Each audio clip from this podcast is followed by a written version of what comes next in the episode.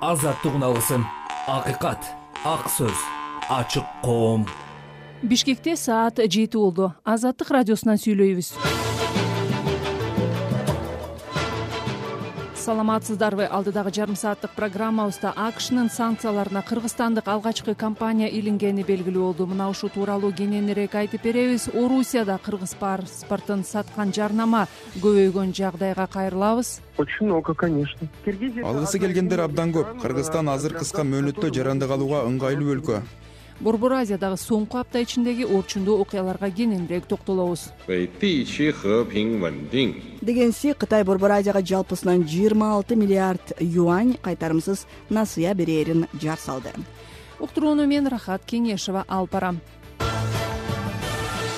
Бүгүн күнгө ишемби жыйырманчы май алгач күндүн соңку жаңылыктары сөз канымгүл элкеевада саламатсыздарбы? Италиянын түндүгүндөгү эмилия романия районунда суу ташкынынан каза болгондордун саны он төрткө жетти. Bbcнин жазганына караганда равена шаарынын бийлиги эки жакан шаардын тургундарын тез арада көчүрүүнү чечти. Коопсуздуктун деңгээли кызыл чекке жетип жогору бойдон калып жаткандыктан элди жолго чыкпай турууга чакырды. Эвакуация болгон он беш миңдей кишинин жарымы мейманканаларда же атайын даярдалган спорт залдарда түнөдү жабыр тарткан аймактагы бир катар шаарларда элге ысык тамак берүү үчүн мобилдик ашканалар иштеп жатат суу тартылган жерлерде тургундар үйүн тазалай баштады. Бирок көпчүлүгү суунун деңгээли жогору болгондуктан көчөгө чыга албай жатат. Равеннанын өзүндө нөшөрлөгөн жаан токтой элек мэр миссимо изола шаар четиндеги айылдарда абал курч экенин билдирди. Ал жакта жер көчкү коркунучу жогору экени жана ал жактарга куткаруучулардын жетиши кыйынга турары айтылды. Италиянын түндүгүндө соңку үч суткада жарым жылдык жаан жааган келтирилген зыяндын миллиарддаган еврого бааланды батыш кыргызстанды тогуз категориядагы товарды орусияга экспорт кылбоого чакырат жана аны тыкыр көзөмөлдөйт. Бул тууралуу британиянын парламентинин тышкы иштер боюнча комитетинин төрайымы алисия кернс жана комитеттин мүчөсү нил койл он тогузунчу майда бишкекте журналисттер менен жолуккан учурда билдиришти.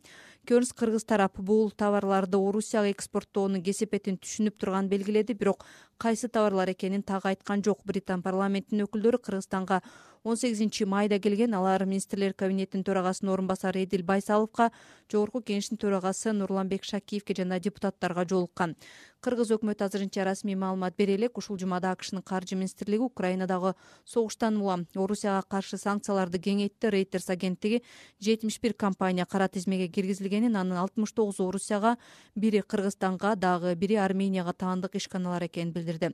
Он бешинчи майда кыргызстандын тышкы иштер министри жээнбек кулубаев батыш мамлекеттеринин ыктымал санкциялары тууралуу орусиянын россия бир телеканалына комментарий берген анда ал бишкек өзүнүн эрежелерин сактай турганын айткан кыргызстан менен кытай ортосунда бедел ашуусу аркылуу жаңы жол курулат. Кыргызстан менен кытай ортосунда жаңы жол куруу жана өткөрүү пунктун ачуу боюнча сүйлөшүү жүрүп жатканын тышкы иштер министри жээнбек кулубаев президент садыр жапаровдун кытайга жасаган мамлекеттик сапарынын жыйынтыктары боюнча айтып жатып билдирди. Министр эки өлкөнүн ортосунда жол куруу жаңы аба каттамдарын ачуу мүмкүнчүлүктөрү каралып жатканын айтты мамлекеттин ортосунда соода саттыкты кеңейтүү анан э, негизгиси аны жеңилдетүү. Эки мамлекеттин ортосундагы транспорттук байланышты баягы кеңейтиш керек активдештириш керек. Чек арада турган э, өткөрүү пункттарын кпплардын мүмкүнчүлүктөрүн жогорулатуу боюнча. Авиа каттамдарын көбөйтүү урумчи менен э, бишкектин ортосунда байланыш бар сия менен бишкектин ортосунда байланыш бар. Эми ошолорду дагы кеңейтип келечекте бишкек менен пекиндин ортосунда авиа каттамы ачылып калышы мүмкүн. Жолдордун кеңейиши. Бул үчүнчү контрольно пропускной пункт өткөрүүчү пункт бул бедел. Э, кызыгып ошондо келечекте сүйлөшүп ачканга э, мүмкүнчүлүктөр бар. Мындан сырткары кытай жашыл экономика багытында кыргызстандагы стратегиялык объектилер гэстердин курулушу боюнча кызыктар экенин да билдиришкен быйыл кыргызстан кытайдан газ менен жүрө турган беш жүз автобус сатып алат. Автобустардын кийинки партиясы эки миң жыйырма төртүнчү жылы алынаарын президенттин басма сөз кызматы билдирди маалыматка караганда президент садыр жапаров жыйырманчы майда кытайга болгон мамлекеттик сапарынын алкагында шаньдун провинциясынын циннан шаарында автобус чыгаруучу заводуна барып анын иши менен таанышты ушул эле күнү жапаров жол куруу машиналары жана жабдуулары өнөр жай машиналарынын көргөзмө аймагын кыдырды. Садыр жапаров кытайга он жетинчи майда барган анын мамлекеттик сапары он сегизинчи жыйырманчы май күндөрү болду. Сапардын алкагында ал сианда кытай борбор азия э, саммитине катышып мамлекеттик жетекчилер бизнес өкүлдөрү менен жолукту президенттин басма сөз кызматы тараткан маалыматка ылайык жапаровдун кытайга болгон мамлекеттик сапарында жыйырмадан ашык документке кол коюлду. Украинанын президенти владимир зеленский чоң жетинин саммитине катышуу үчүн франциянын учагы менен жапонияга келди. Жапония жети чоң жети украинанын достору жана өнөктөштөрү менен маанилүү жолугушуулар коопсуздук жана биздин жеңиш үчүн кызматташууну бекемдөө бүгүн тынчтык дагы жакындайт деп жазды зеленский телеграм каналына украинанын мамлекет башчысы акш президенти джо байден менен жолугушаары күтүлүп жатат. Рейтерс жана политика басылмаларынын булактары байден хиросимада киевке үч жүз жетимиш беш миллион долларлык аскердик жардам бөлөөрүн жарыялай турганын билдирген. Бул зеленский менен жолугушуудан кийин жарыяланышы ыктымал. Жардамдын жаңы пакетине артиллериялык снаряддар бронетехника жана танктарга каршы куралдар кирет. Жума күнү кечинде associated press жана cnn булактары акш президенти байден украин учактарын америкалык f он алты учактарына үйрөтүүнү колдой турганын билдирген учкучтарды даярдоо европада өтөрү жана жакынкы апталарда башталышы мүмкүн экени айтылууда бул тууралуу азырынча ак үйдүн расмий билдирүүсү жарыялана элек. Киевке согуштук учактарды берүүдөн баш тарткандыктан ак үй европалык өнөктөштөрүнүн гана эмес акш конгрессинин мүчөлөрүнүн да кысымына кабылган орусия владимир путинди камакка алууга ордер берген прокурорду издөө салынганын салынгандардын тизмесине кошту орусиянын ички иштер министрлиги гаагадагы эл аралык кылмыш сотунун прокурору карим ахматханды издөөдө жүргөндөрдүн тизмесине киргизди. Бул тууралуу ички иштер министрлигинин издөө базасына шилтеме берүү менен медиа зона басылмасы билдирди прокурордун аты жөнү сүрөтү менен базага киргизилип ал кылмыш кодексинин негизинде изделип жатканы көрсөтүлгөн бирок кайсы биринин экени жазылган эмес. Мартта эл аралык кылмыш соту орусиянын президенти владимир путин менен балдар омбудсмени мария львова белованы камоого ордер чыгарган алар украина балдарын орусияга мыйзамсыз депортациялоого шектелүүдө. Орус бийлиги айыптоону четке каккан жана прокурорго эл аралык кылмыш сотунун судьяларына кылмыш ишин козгогон он тогузунчу майга карата айыл чарбасынын каржылуу он бир долбоору боюнча жеңилдетилген насыя беш миңден ашуун дыйканга берилип жалпы суммасы эки бүтүн ондон үч миллиард сомго жакындады. Бул тууралуу айыл чарба министрлигинин финансы жана бухгалтердик эсеп башкармалыгынын башчысы улан намазбеков азаттыкка билдирди. Насыя өсүмдүк өстүрүү жана мал чарбачылыгы категориялары боюнча берилген. Министрликтин маалыматына караганда насыянын теңинен көбүн мал чарбачылык категориясы боюнча алышкан. Буга чейин жогорку кеңеште айыл чарбасына бөлүнгөн жеңилдетилген насыя дыйкандарга кеч берилип жатканы боюнча маселе көтөрүлгөн. Рахмат сизге канымгүл элкеева айтып берди. Соңку жаңылыктарды азыр эми аба ырайы тууралуу маалымат жыйырма биринчи майда түнкүсүн кыргызстандын көпчүлүк аймактарында жаан жайт күндүз нарын ысык көл облустарында өткүн өтүп э, ош жалал абад баткен облустарынын тоолуу аймактарында жаан жайт. Абанын температурасы чүйдө түнкүсүн сегиз он үч күндүз жыйырма эки отуз бир градус болот. Талас жергесинде түнкүсүн алты он бир күндүз жыйырма бир жыйырма алты. Баткен жалал абад ош облустарында түнкүсүн тогуз он төрт күндүз жыйырма жети отуз эки градус. Ысык көлдө түнкүсүн төрт тогуз күндүз он сегиз жыйырма үч нарында түнкүсүн төрт тогуз күндүз он жети жыйырма эки градус нолдон жогору болот бишкекте түнкүсүн өткүн өтөт күндүз жаан чачын болбойт эртең. Абанын температурасы түнкүсүн он бир он үч ал эми күндүз жыйырма беш жыйырма жети градус болот акшнын каржы министрлиги ошентип украинадагы согуштан улам орусияга каршы санкцияларды кеңейтүүдө. Бул жолку кара тизмеге орусиянын алтымыш тогуз американын бир жана кыргызстандан бир ишкана санкцияга кабылды. Батыштын кара тизмесине кирген кыргызстандык кайсы ишкана жана ал эмне менен алектенет? Кененирээк кабарчыбыз максат кутманбековдун материалынан угалы. Он тогузунчу майда акш койгон жаңы чектөөлөргө көбүнчө орусиянын аскер күчтөрүнө жардам берүү үчүн колдонуло турган. Буюмдарды чыгарган компаниялар кирген ал компаниялардын арасында авиация үчүн радио байланыш түзүүчү прима илимий өндүрүштүк ишканасы ижевск учкучсуз системалар илимий өндүрүштүк бирикмеси стрела росвертол пролетарский завод техмаш урал жана башка ондогон ишканалар бар. Акш мындай чечимди он тогузунчу майда хиросимадагы ж жети саммити башталган күнү жарыялады. Расмий жарыяланган документте орусия менен байланышы бар деген армениянын жана кыргызстандын бирден ишканалары көрсөтүлгөн акшнын каржы министрлиги расмий жарыялаган документинде кыргызстандын троя компаниясы санкцияга илингени айтылды. Анда жазылган маалыматка караганда аталган компания чүйдүн токмок шаарында жайгашкан. Троя компаниясынын интернет сайтында ишкана өнөр жай тармагында тиешелүү телекоммуникация навигация жаатындагы электрондук жабдууларды ташуучу компания катары көрсөтүлгөн. Ачык булактардагы маалыматка ылайык ишкана эки миң он сегизинчи жылы кайра каттоодон өтүп анын жетекчиси катары хилу насер исхарович аттуу жаран көрсөтүлгөн. Аталган компаниянын жетекчилиги менен азырынча байланышууга мүмкүн болуп элек. Кыргызстандын ишканасы орусия украинага кол салгандан бери алгачкы ирет батыштын санкциясына кабылды. Айрым серепчилер мындай көрүнүш дагы көбөйүшү мүмкүн экенин айтышууда. Экономист азамат аттокуров кыргызстандын ишканасы акшнын санкциясына кабылганы мамлекет үчүн чоң белги болуш керек дейт. Америка көптөн бери айтып жүргөн ушул санкциялар боюнчачы биздин көптөгөн компаниялар кыргызстандыкы жанагындай реэкспорт кылып атат да.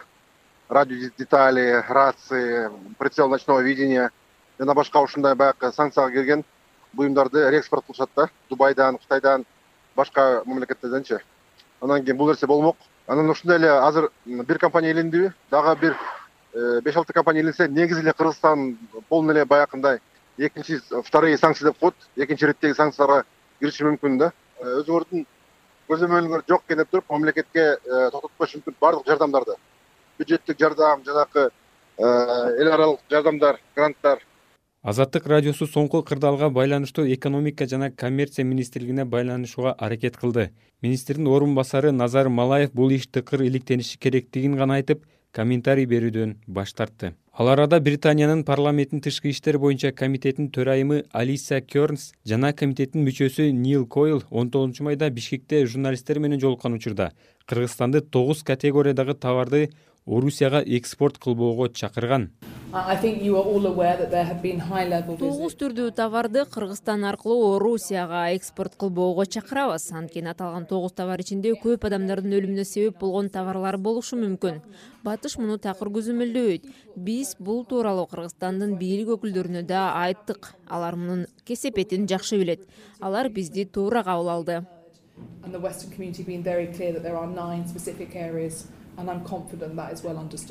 кернс журналисттердин суроолоруна жооп берип жатып сөз болуп жаткан тогуз товардын ичинде эмнелер кирерин так айткан эмес. Буга чейин евро биримдик орусияга каршы санкциялардын он биринчи айлапасында москвага чектөөлөрдү бузуп өтүүгө көмөк көрсөтүп жаткан үчүнчү мамлекеттерге да чара көрүшү мүмкүн экенин эскерткен маселен апрель айында британиянын тышкы иштер министрлигинин санкциялар боюнча директору дэвид рид иш сапары менен кыргызстанга келип жергиликтүү бийлик жана ишкерлер менен жолугушаарын орусиянын санкцияларынан кыйгап өтүү аракеттерин алдын алуу боюнча кызматташууну талкуулай турганын билдирген. Андан тышкары кыргызстанга акшнын финанс министринин каржылык кылмыштарга каршы күрөш боюнча орун басары элизабет розенберг менен соода министринин орун басары мэтью акселрот да келген алар кыргыз өкмөтүнүн өкүлдөрү жана улуттук банктын жетекчилери менен украинага каршы согуш ачкан үчүн москвага салынган санкцияларды кыйгап өтүү жолдорун токтотууга байланыштуу жолугушууларды өткөргөн.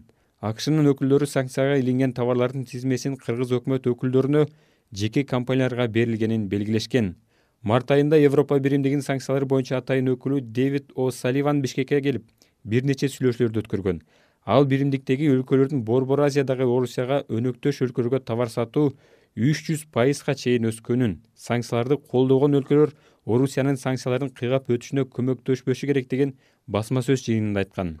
Экономика жана коммерция министри данияр амангелдиев азаттыкка курган маегинде кыргызстан бардык эрежелер менен соода жүргүзүп жатканын бирок батыштын санкциясына кабылган товарлар кыргызстан аркылуу орусияга өтпөшүнө кепилдик бере албасын айткан ал эми кыргызстандын тышкы иштер министри жээнбек кулубаев орусиянын россия бир телеканалынын журналистинин суроосуна жооп берип жатып кыргызстан эрежелерди сактап жатканын жана эч кандай көйгөй көрбөй турганын билдирген.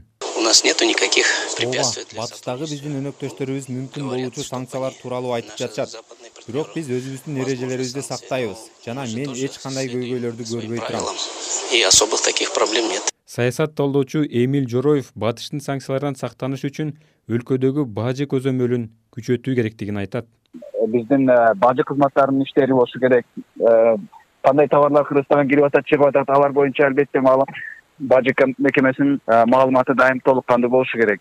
Ошонун негизинде россияга эмнелер чыгып жатат россия менен максатталып. Бирок албетте билесиз да мындай нерселер көбүнөчө биз контрабандалык жолдор менен чыгышат. Толук баары мыйзамдуу болуп адашкандын эле кесепети болсо ал башка болмок. Азыр билип туруп кылып аткан иштерге албетте айтуу кыйын. Өткөн жылы орусия украинага кол салгандан кийин акшнын финансы министрлиги санкция салынган товарлар орусия жана беларустун рыногуна өтүп кетүү тобокелдиги бар деген өлкөлөрдүн тизмесин аныктаган мындай өлкөлөрдүн катарына борбор азиянын башка өлкөлөрү менен бирге кыргызстан да киргизилген. Документте санкция салынган товарлар бул өлкөлөргө сырье катары мыйзамдуу жеткирилиши мүмкүн экени. Бирок андан ары орусия менен беларуска экспорттолушуна тыюу салынары белгиленген. Максат кутманбеков азаттык бишкек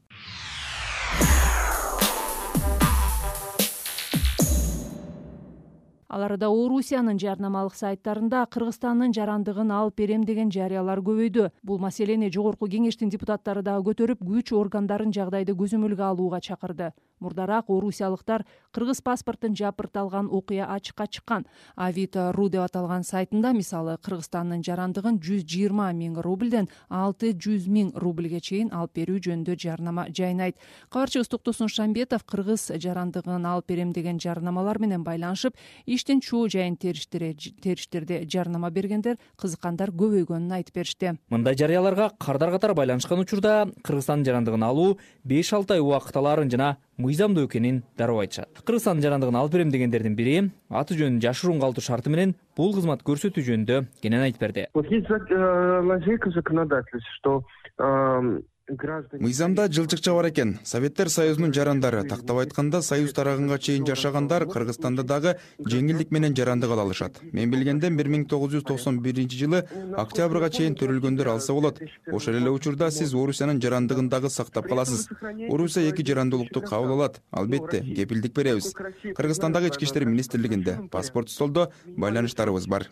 Конечно есть связь. Иначе это никак бы мы не делали есть связь естественно. Атын жашырган кызматкер соңку учурда кыргыз жарандыгын алууну каалаган орусиялыктар көбөйгөндүктөн мындай кызмат көрсөтүүнүн баасы өсүп кеткен. Анын ичинде паспорт алууга документ чогултуу тийиштүү органдарга арыз таштоо сыяктуу кызматтар кирет. Ал кыргыз жарандыгын алгысы келгендерге бишкектен тосуп алып коштоп жүрүүчүлөр бар экенин айтууда. Очень много очень много конечно алгысы келгендер абдан көп. кыргызстан азыр кыска мөөнөттө жарандык алууга ыңгайлуу өлкө. кыргызстан жаман өлкө эмес. Орус тилдүү. Санкцияларга кабылган жок. Кыргыз паспорту менен европага акш сыяктуу каалаган жерге барсаң болот. Азыр орус паспорту менен чет өлкөдө кыйын болуп калды. Мисалы түркияда орус паспорту менен узак мөөнөткө убактылуу жашоого уруксат бербейт. Банк эсептерин ачуу кыйын болуп жатат. Россиянам сейчас отказывают в виде на жительство. Кыргыз республикасынын жарандыгы жөнүндөгү мыйзамдан тышкары бир миң тогуз жүз токсонунчу жылы кол коюлган беларустун казакстандын кыргызстандын жана орусиянын ортосундагы жарандык алуунун жөнөкөйлөтүлгөн тартиби жөнүндө макулдашуу бар ага ылайык ссср ыдыраган бир миң тогуз жүз токсон биринчи жылга чейин туулган жогорудагы үч өлкөнүн жарандары кыргызстандын жарандыгын жөнөкөйлөтүлгөн шарт менен ала алат эки миң жыйырма экинчи жылы президент садыр жапаровдун жыйырма төрт жарлыгы менен алты миң үч жүз он алты адам кыргыз жарандыгын алып алты жүз кырк алтысы чыгып кеткен. Аталган төрт тараптуу макулдашууга жыйырма төрт жарлыктын бешөөндө гана шилтеме берилген. Жана аларда орусиядан жер которуп келгендердин ысымдары басымдуулук кылат. Анткени менен жогорку кеңештин депутаты гүл аккожокулова он сегизинчи майдагы жыйында мындай көрүнүштү кескин сындады. Это какой то нонсенс бул нонсенс. Демек кыргызстандын жарандыгы сатылып калыптыр да биздин атайын кызмат кайда? Санариптик өнүктүрүү министрлиги эмне менен алектенип жатат? Биздин паспорттор ар кайсы жерде сатылгандыктан дайыма ызы чуу болот. Эми коммерциялык максатта сатыла баштаптыр. Санарип өнүктүрүү министрлиги бул жарнамаларга байланыштуу комментарий берип мындай маалыматтарга алданбоого чакырды. Кыргызстандын жарандыгын кабыл алуу же чыгаруу иши менен министрликтин калктын жана жарандык абалдын актыларын каттоо департаменти алектенерин билдирди. Мыйзам боюнча он сегиз жашка чыккан чет өлкөлүк жана жарандыгы жок адамдар кыргызстандын жарандыгын алуу үчүн арыз берсе болот. Ал үчүн акыркы беш жылдын ичинде кыргызстанда туруктуу жашашы керек. Ата энесинин бири кыргызстандын жараны болсо кыргыз сссринде төрөлүп мурдагы сссрдин жарандыгын алгандар кыргызстандын жарандыгын жөнөкөйлөтүлгөн тартипте ала алат. Буга чейин президент садыр жапаровдун жарандыкка кабыл алуу жөнүндө эки миң жыйырма экинчи жылы чыгарган жарлыктарынын негизинде орусиянын ондогон таанымал атка минелери менен ири ишкерлери кыргызстандын жарандыгын алганы талкуу жараткан. Токтосун шамбетов бектур стамкулов азаттык. Кыргызстандагы окуялардан эми аймактагы соңку жаңылыктарга келсек борбор азия апта ичинде программасынын кезектеги чыгарылышы назарыңыздарда сөз элвира будайчиевада. Арыбаңыз угарман ободо азаттык үн алгысы борбор азия апта ичинде түрмөгүн сунуштайбыз. Алдыдагы баяндардын кыскача мазмуну бул жумада кытайдын сиань шаарында кытай борбор азия саммити өттү. Казакстандагы эң чоң уран кени росатомдун көзөмөлүнө өткөнү кабарланды. Ушул апта самаркандта европада кайра куруу жана өнүктүрүү банкынын башкаруучулар кеңешинин жыйыны өттү. Угарман алдыдагы он беш мүнөттө ушул мазмундагы баяндарды сунуштайбыз. Оолу чөлкөмдөгү жаңылыктарга токтолсок микрофондо мен элвира будайчиева казакстандын президенти касым жомарт токаевдин ушул апта кытайга жасаган мамлекеттик сапарынын алкагында жыйырма үч документке кол коюлду. Алардын арасында эки өлкө ортосунда визасыз режим киргизүү тууралуу да макулдашуу бар. Документке ылайык казакстандыктар кытайда ал эми кытайлыктар казакстанда чек арадан кирген күндөн тартып отуз күндөн ашпаган мөөнөттө визасыз жүрө алышат кытайдын лидери си цзиньпин менен токаев сиань шаарында документке кол коюп жатышкан маалда алматыда визасыз режимге каршылык билдирип чыккан ата журт партиясынын төрагасы бекзат максатхан уулун полиция кармап кетти. Социалдык тармактарда анын тарапташтары мунун артында кытайга жагынуу жатат деген пикир менен бөлүшүп жатышат. Ошондой эле казакстандын ак төбө шаарынын соту он жетинчи майда бир нече активистке тынч митингдерди өткөрүү эрежелерин бузган деп административдик жаза чыгарды. Тергөөнүн материалдарына караганда алар социалдык тармактарда жана whatsapp тайпаларында митингдерге чакырышкан. Айыпталгандар дооматтарды четке кагууда он сегизинчи майда ташкент аскердик округунун полигонунда өзбекстан менен казакстандын куралдуу күчтөрүнүн атайын багыттагы бөлүктөрүнүн биргелешкен калкан эки миң жыйырма үч машыгуусу аяктады. Бул тууралуу газета уз басылмасы казакстандын коргоо министрлигине шилтеме кылып кабарлады. Аскердик машыгуунун жүрүшүнө эки өлкөнүн коргоо министрлери көз салып турушту анда жоокерлер чек ара кызматынын ыкчам тобунун күчтөрү менен биргеликте шарттуу душманды жок кылуу аракетин көрүштү. Бул үчүн учкучсуз учуучу аппараттар колдонуу менен аймак изилденип душмандын ыктымал жашырына турган жери аныкталды. Андан соң минометтор менен душман жашырынган жерге сокку урулду күжүрмөн тапшырманы аткарууда жаңы тактикалык ыкма колдонулду. Сокку урууга согуштук учактардын коштоосундагы жеңил чопкутталган автоунаалар да тартылды.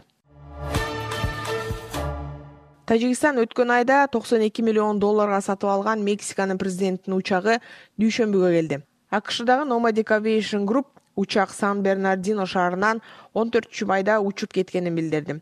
Flyt radar сайтындагы маалыматтар учак тажикстандын борборуна он бешинчи майда келгенин көрсөттү. Мексиканын президенти андрес мануэл лопес обрадор өзүнө мурдагы бийликтен мурас калган учак апрелде борбор азиядагы жакыр өлкөгө сатылганын билдирген расмий маалыматка ылайык тажик бийлиги президенттик боинг жети жүз сексен жети дримлайнер учагы үчүн токсон эки миллион доллар төлөгөн. Тажикстан азырынча бул тууралуу комментарий бере элек угарман эми кезек борбор азия апта түрмөгүнүн негизги баяндарына келип жетти.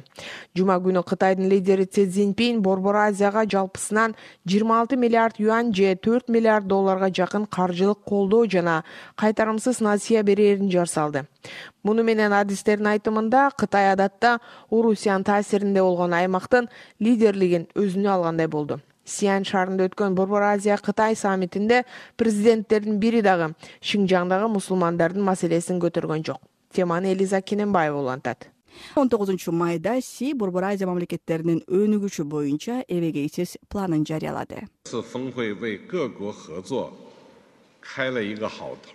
бул саммит биздин кызматташуубуз үчүн жакшы башталыш болуп калды. Биздин бирдиктүү аракетибиз менен борбор азия жана кытай ортосундагы алакалар курула турган кеме толкундарды жиреп өтүп алдыга карай умтуларына ишенем. Бул жолугушуу алты өлкөнүн өнүгүүсүнө жаңы күч берип аймакка туруктуулук менен тынчтыкка өбөлгө болоруна ишенем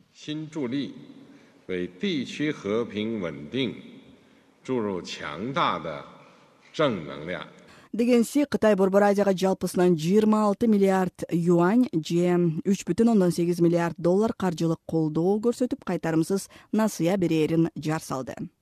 Талдоочулар белгилегендей орусия украинадагы согушка алаксып ал эми акш ооганстандан өз аскерлерин чыгарып кеткени аймакка көп көңүл бурбай жаткан чакта кытай аймактагы лидерликти өз колуна алгандай болду. Но что действительно китай после пандемии начал как то кытай пандемиядан кийин өзүнүн тышкы саясаты менен активдүү алектене баштады. Тактап айтканда кытай бийлиги эми бир гана экономикалык эмес саясий маселелерде дагы өз көз карашын эч тартынбастан билдирүүдө ал эми бул жолку жолугушуунун тарыхый жагын айтсак бул украинада согуш жүрүп жаткан маалда өткөн жаңы форматтагы саммит.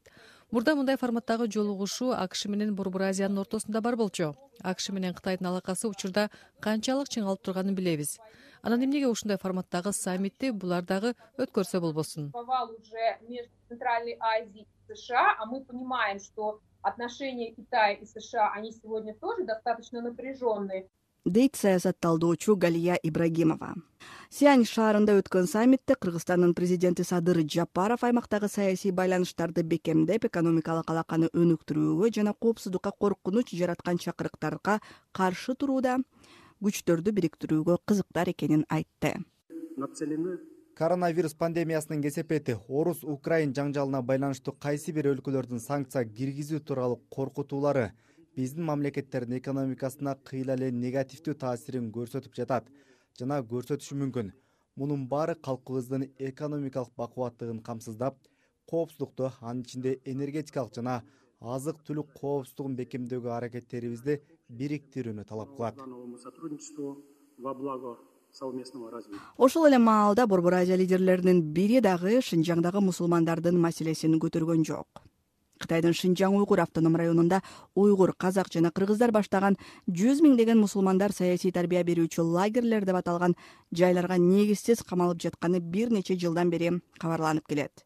Бейжин шынжаңдын тургундары диний же саясий көз карашы үчүн куугунтукталып жатканын четке кагып андай лагерьлерди кесипке үйрөтүүчү борборлор деп атайт. Элиза кененбаева азаттык угарман сиз борбор азия баяндарын угуп жатасыз. Орусиянын росатом корпорациясы степногорск тоо химиялык комбинатынын ээлеринин катарына кошулду. Бул тууралуу казатомпром улуттук компаниясынын жылдык отчетунда белгилүү болгону айтылат. Ошентип москва түркистан чөлкөмүндөгү уран кенин көзөмөлгө алды. Эксперттер росатом эми казакстандын уран казуу тармагында үстөмдүк кылат деп эсептейт. Сөз кесиптешим айбек бибосуновдо казатомпром компаниясынын документтерине ылайык эки миң жыйырма экинчи жылдын соңунда степногорск тоо химиялык комбинатынын негиздөөчүлөрүнүн катарына ураниум one групп жана логистический центр деген компания кирген. Экөө тең орустардын рос атом корпорациясынын туундуу компаниялары. Бул келишим боюнча профиль агенттиги мындай деп жазат. эки миң жыйырма экинчи жылдын он төртүнчү декабрында ураниум one групп степногорск тоо химия комбинатынын ээси болуп калды комбинат эки миң он алтынчы жылдын алтынчы октябрынан тартып буденовская биргелешкен ишканасынын ээси болуп саналат. Аталган ишкана казатопром менен бирге буденовская кенинин номер беш номер алты жана номер жетинчи участокторуна ээлик кылат. Росатом эки миң тогузунчу жылы эффективдүү энергия компаниясынын кендеги төрт участогун сатып алганын эске алсак орусиянын азыр буденовская аймагын толугу менен көзөмөлдөйт деп айтууга болот буденовская биргелешкен ишканасы казакстандын түркистан облусундагы уникалдуу кенинен уран казып алат. Бир нече жылдын ичинде өндүрүштүн жылдык көлөмү алты тонна сырьего жетери айтылып келет. Баалуу актив орусиялык компаниянын көзөмөлүнөн өткөнүн казатомпром эки миң жыйырма экинчи жылдагы каржылык отчетунда көрсөткөн. Тагыраагы төрт жүз элүү барактан турган документте бул жаңылыкка кичинекей шилтеме эле берген. Алматыдагы экономист андрей чеботаров буга төмөндөгүдөй комментарий берди. Вот такие вещи негизи мындай иштер болушунча жашырылат. бирок компания ачык болгондуктан бул маалыматты отчетто көрсөтүүгө милдеттүү болчу.